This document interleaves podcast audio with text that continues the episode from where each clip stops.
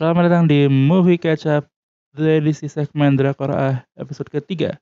Zile zile, zile zile eu alerg Al mile mile, mile mile. Pe Malesin gak sih? Eh, tepuk tangan, tepuk tangan. Nyambung.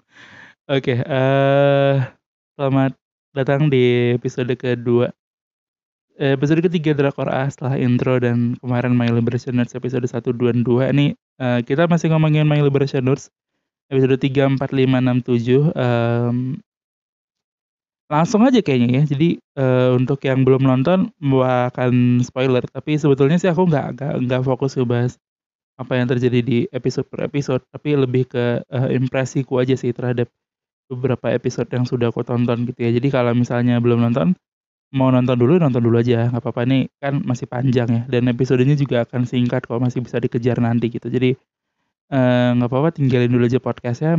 Masuk ke Netflix. Jangan Telegram Netflix guys. Please lah tolonglah. Yuk bisa yuk. Eh masuk ke Netflix. Nonton dulu My Liberation Notes 3, 4, 5, 6, 7 lalu balik lagi ke sini. Kalau yang udah nonton dan mau eh, mau melihat ri ri ri ri ri ri ri ri ri Rina di nggak kalau mau nonton eh kalau yang udah nonton kemarin mau rewards rewards lagi boleh sih. Tapi kurang lebih ini eh aku udah nonton dan aku sebetulnya suka bisa dibilang. Episode 3, 4, 5, 6, 7 ini. Sebetulnya makin lama aku makin jatuh cinta sih sama My Liberation Notes cuman di satu sisi aku tetap punya pertanyaan juga gitu. Maksudnya aku aku ngerasa kok kayaknya ada ada satu hal yang missing yang yang aku nggak bisa missing point yang aku nggak bisa nemuin gitu. Aku belum bisa menemukan jawaban atas ini gitu. Entah itu mungkin karena aku nggak bisa nangkep atau atau memang kurang dijelaskan dengan baik gitu ya sama si eh, teman-teman produksi produksian My Liberation Notes ini. Em, episodenya akan singkat. Aku bakal cerita apa yang aku suka dari perjalanan episode 3, 4, 5, 6, 7 dan apa yang aku kurang suka apa yang aku missing point tadi oke? Jadi kita mulai dari pro-nya dulu. Pertama menurutku eh, ternyata kisah bahwa mereka kan awalnya eh, ini fokusnya bercerita tentang tiga anak yang hidup jauh dari kota, commuting dan lain-lain gitu. Tapi ternyata makin ke sini aku ngerasa sebetulnya itu jadi topik sampingan aja sih. Itu faktor besar iya, tapi itu jadi topik sampingan dan I'm okay with that aja. Eh, aku sih nggak masalah karena menurutku itu mau mau di mau digimanain juga sih. Mungkin mungkin akan bermanfaat di akhir tapi eh, sebetulnya nggak terlalu dibahas yang gimana-gimana banget sih. Ada sih bahwa mereka kelelahan dan lain-lain tapi em, itu hanya jadi faktor besar yang yang menentukan cara cara mereka berpikir, cara mereka berpendapat, cara mereka bersikap dan lain-lain gitu. Which is which mean yang mana bagus gitu untuk untuk untuk si drama ini punya punya kita kita bisa tahu datangnya dari mana keresahan-keresahan yang mereka jalani setiap hari gitu. Em, poin kedua yang juga menurutku oke dari perjalanan episode 1 sampai 7 ini adalah eh, pengembangan karakternya Mr. Gu atau atau eh, Pak Gu gitu ya. Mr. Gu di sini em, menurutku menarik dia kan sorry dia kan diperkenalkan di awal sebagai orang yang penuh misteri gitu terus di episode 3, 4, 5, 6, 7 ini udah mulai ke reveal satu-satu misalnya kayak namanya akhirnya udah ketahuan eh, Gu Jagyong terus kita udah tahu bahwa dia eh, punya keahlian kayaknya misalnya dia bisa loncat eh, sangat jauh gitu untuk ngambil topinya eh, Miyong. Aku udah aku udah tahu aku lumayan nama-nama karakternya udah tahu. Mijong Mijong Gijong Changhe Chamhe itulah lumayan. Em, tapi it- eh, kita udah mulai, udah mulai dikasih clue-clue yang mana memang aku ngerasa kayaknya memang udah cocok sih. Karena kalau ditahan lebih lama misterinya juga orang kayaknya em, bisa-bisa malah off duluan kan sebelum sebelum bisa relate sama Pak Agu. Bentar minum dulu. Sabar guys.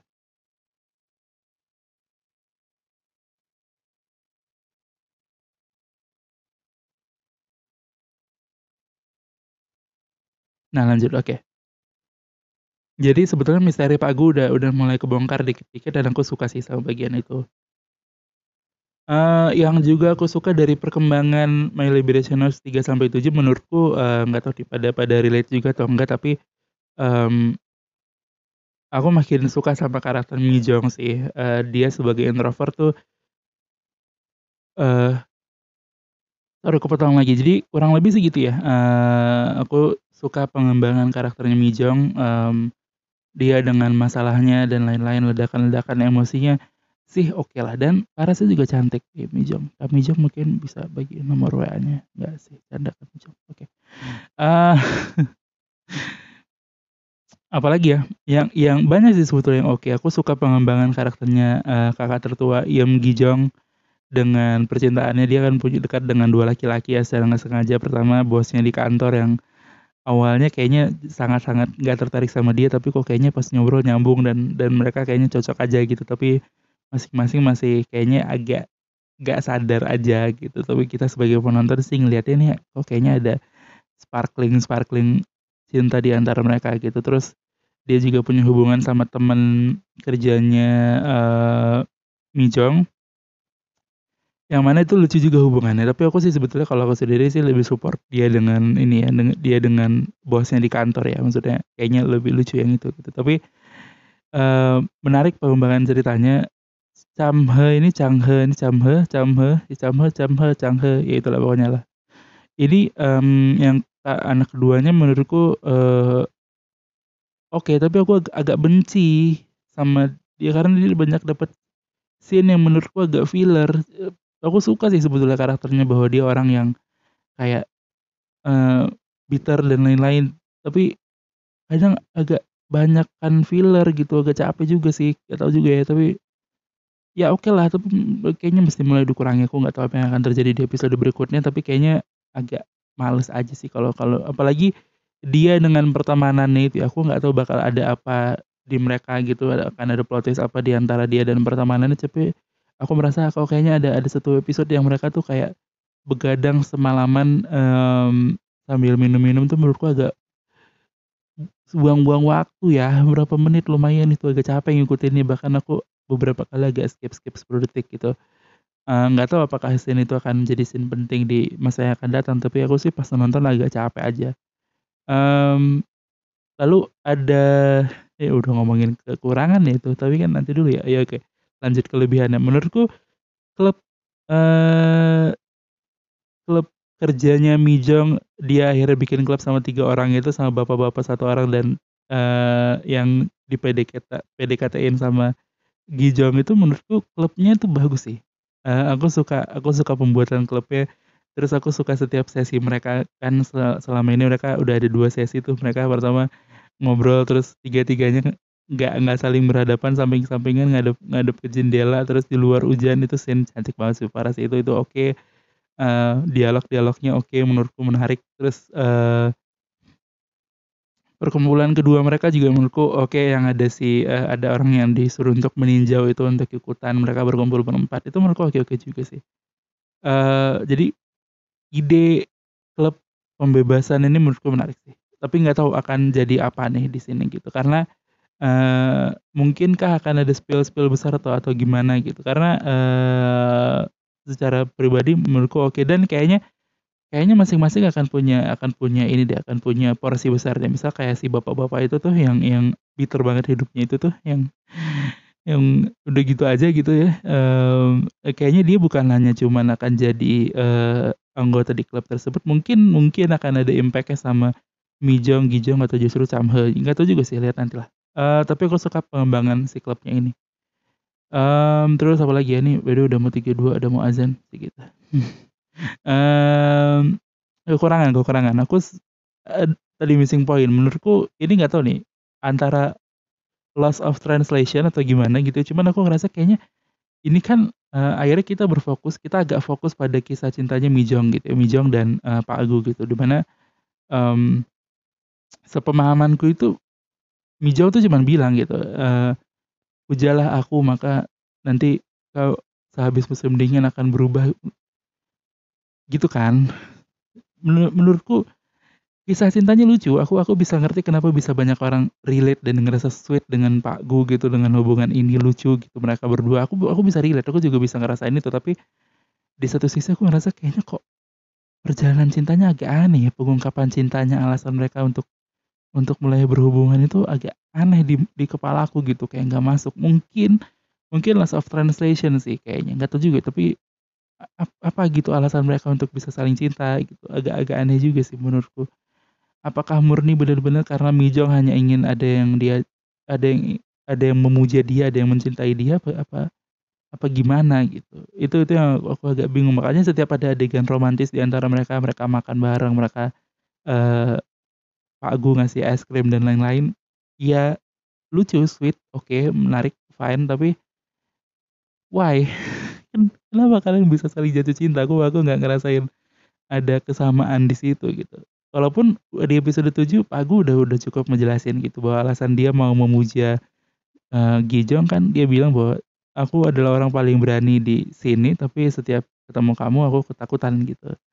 Dan aku selalu suka ketakutan, aku selalu suka setiap kamu ada di dekatku gitu. Itu itu kan ya walaupun agak cringe tapi that's the point kan bahwa dia adalah orang yang mungkin background-nya gangster or anything tapi tiba-tiba di depan Gi Jong dia hanya bisa bertekuk lutut karena kecantikan, karisma dan anything lah dari si Gi Jong ini gitu. Tapi dari sisi Gi Jong apa? Apakah murni karena itu atau gimana gitu? Dan selebihnya juga yang yang juga mungkin belum belum cukup dijelaskan sehingga aku agak-agak bingung itu adalah, mmm, ini sih yang yang yang ngutangin Gi Jong ini sih. Eee, eh bukan Gi Jong, Mi Jong, yang yang ngutangin Mi Jong itu, itu juga agak agak bingung sih, eee, konfliknya gimana dan lain-lain gitu. Memang mungkin belum dijelaskan jadi masih masih tanda tanya besar gitu. Terus, eee, itu aja sih sebetulnya kalau pro dan kontranya cuman, eee, kalau ditanya apa yang diharapkan di episode-episode berikutnya sejujurnya adalah lebih ke penjelasan aja sih. Semoga hubungan mereka worth it untuk sesuatu plot yang lebih besar daripada ini gitu, lebih besar daripada manis-manisan antara strangers dan satu orang, eee, anak kampung yang kerja di kota dan ngalamin banyak kesusahan di hidupnya, ditipu pacarnya, dihutangin dan lain-lain, dijadiin jaminan utang dan lain-lain gitu. Semoga ada yang lebih besar daripada itu. Mmm, dan udah ada beberapa spill tadi misalnya kayak namanya Gu Jagyong, namanya Pak Gu, Gu Jagyong dan, mmm, udah ada beberapa telepon yang masuk gitu ya. Bahkan dia sudah teleponan, dia udah ngangkat telepon. Eee, semoga ini jadi bisa nge-twist-nge-twist lagi, buka-buka plot, buka kunci-kuncian plotnya di episode 8, 9, 10 menuju episode 16. Mmm, satu part lagi yang juga aku suka sekali itu adalah part suka sekaligus kesel, itu adalah part di mana, eee, Chang He dan satu orang temennya itu, eee, yang buka kafe itu akhirnya, eee, ngebersihin botol-botol di kamarnya Pak Gu, sotoy gitu, mereka masuk terus bersihin, anjir itu aku kayak, "Anjing, brengsek." Kesel. Mmm, kena kenapa sih mesti begitu? Ya ya tapi udah gitu sisanya, mmm itu it itu itu jadi jadi adegan menarik karena akhirnya si Pak Gunya sendiri yang bersihin dan dan itu ya bisa dibilang sih sebetulnya karena ada sparkling-sparkling cinta lagi yang membangkitkan, mmm, gairah dalam hidupnya, kayak gitu. Itulah kenapa teman-teman, cinta itu membuat kita bergairah. Kenapa ada pesannya gitu di ujung ya. Ya udah terima kasih sudah mendengarkan. Kita akan balik lagi nanti di episode berikutnya. Cuman episode mendatang kayaknya bukan justru bahas My Liberation Notes. Kemungkinan aku bakal bahas Money Heist Joint Economic Area dulu, eee, Money Heist versi Korea dulu, nanti baru habis itu mungkin akan bahas My Liberation Notes lagi mungkin, nggak tahu nih aku aku kebayangnya akan ada ada akan ada 2 episode lagi yang ngomongin My Liberation Notes. Eee, tapi di sela-sela itu akan ada bakal bahas Money Heist Korea dan lain-lain. Oke, itu aja, terima kasih sudah mendengarkan ini 13 menit sudah termasuk panjang. terima kasih sampai jumpa di episode berikutnya. Dadah, bye. Pamit. Yuk. Let's go.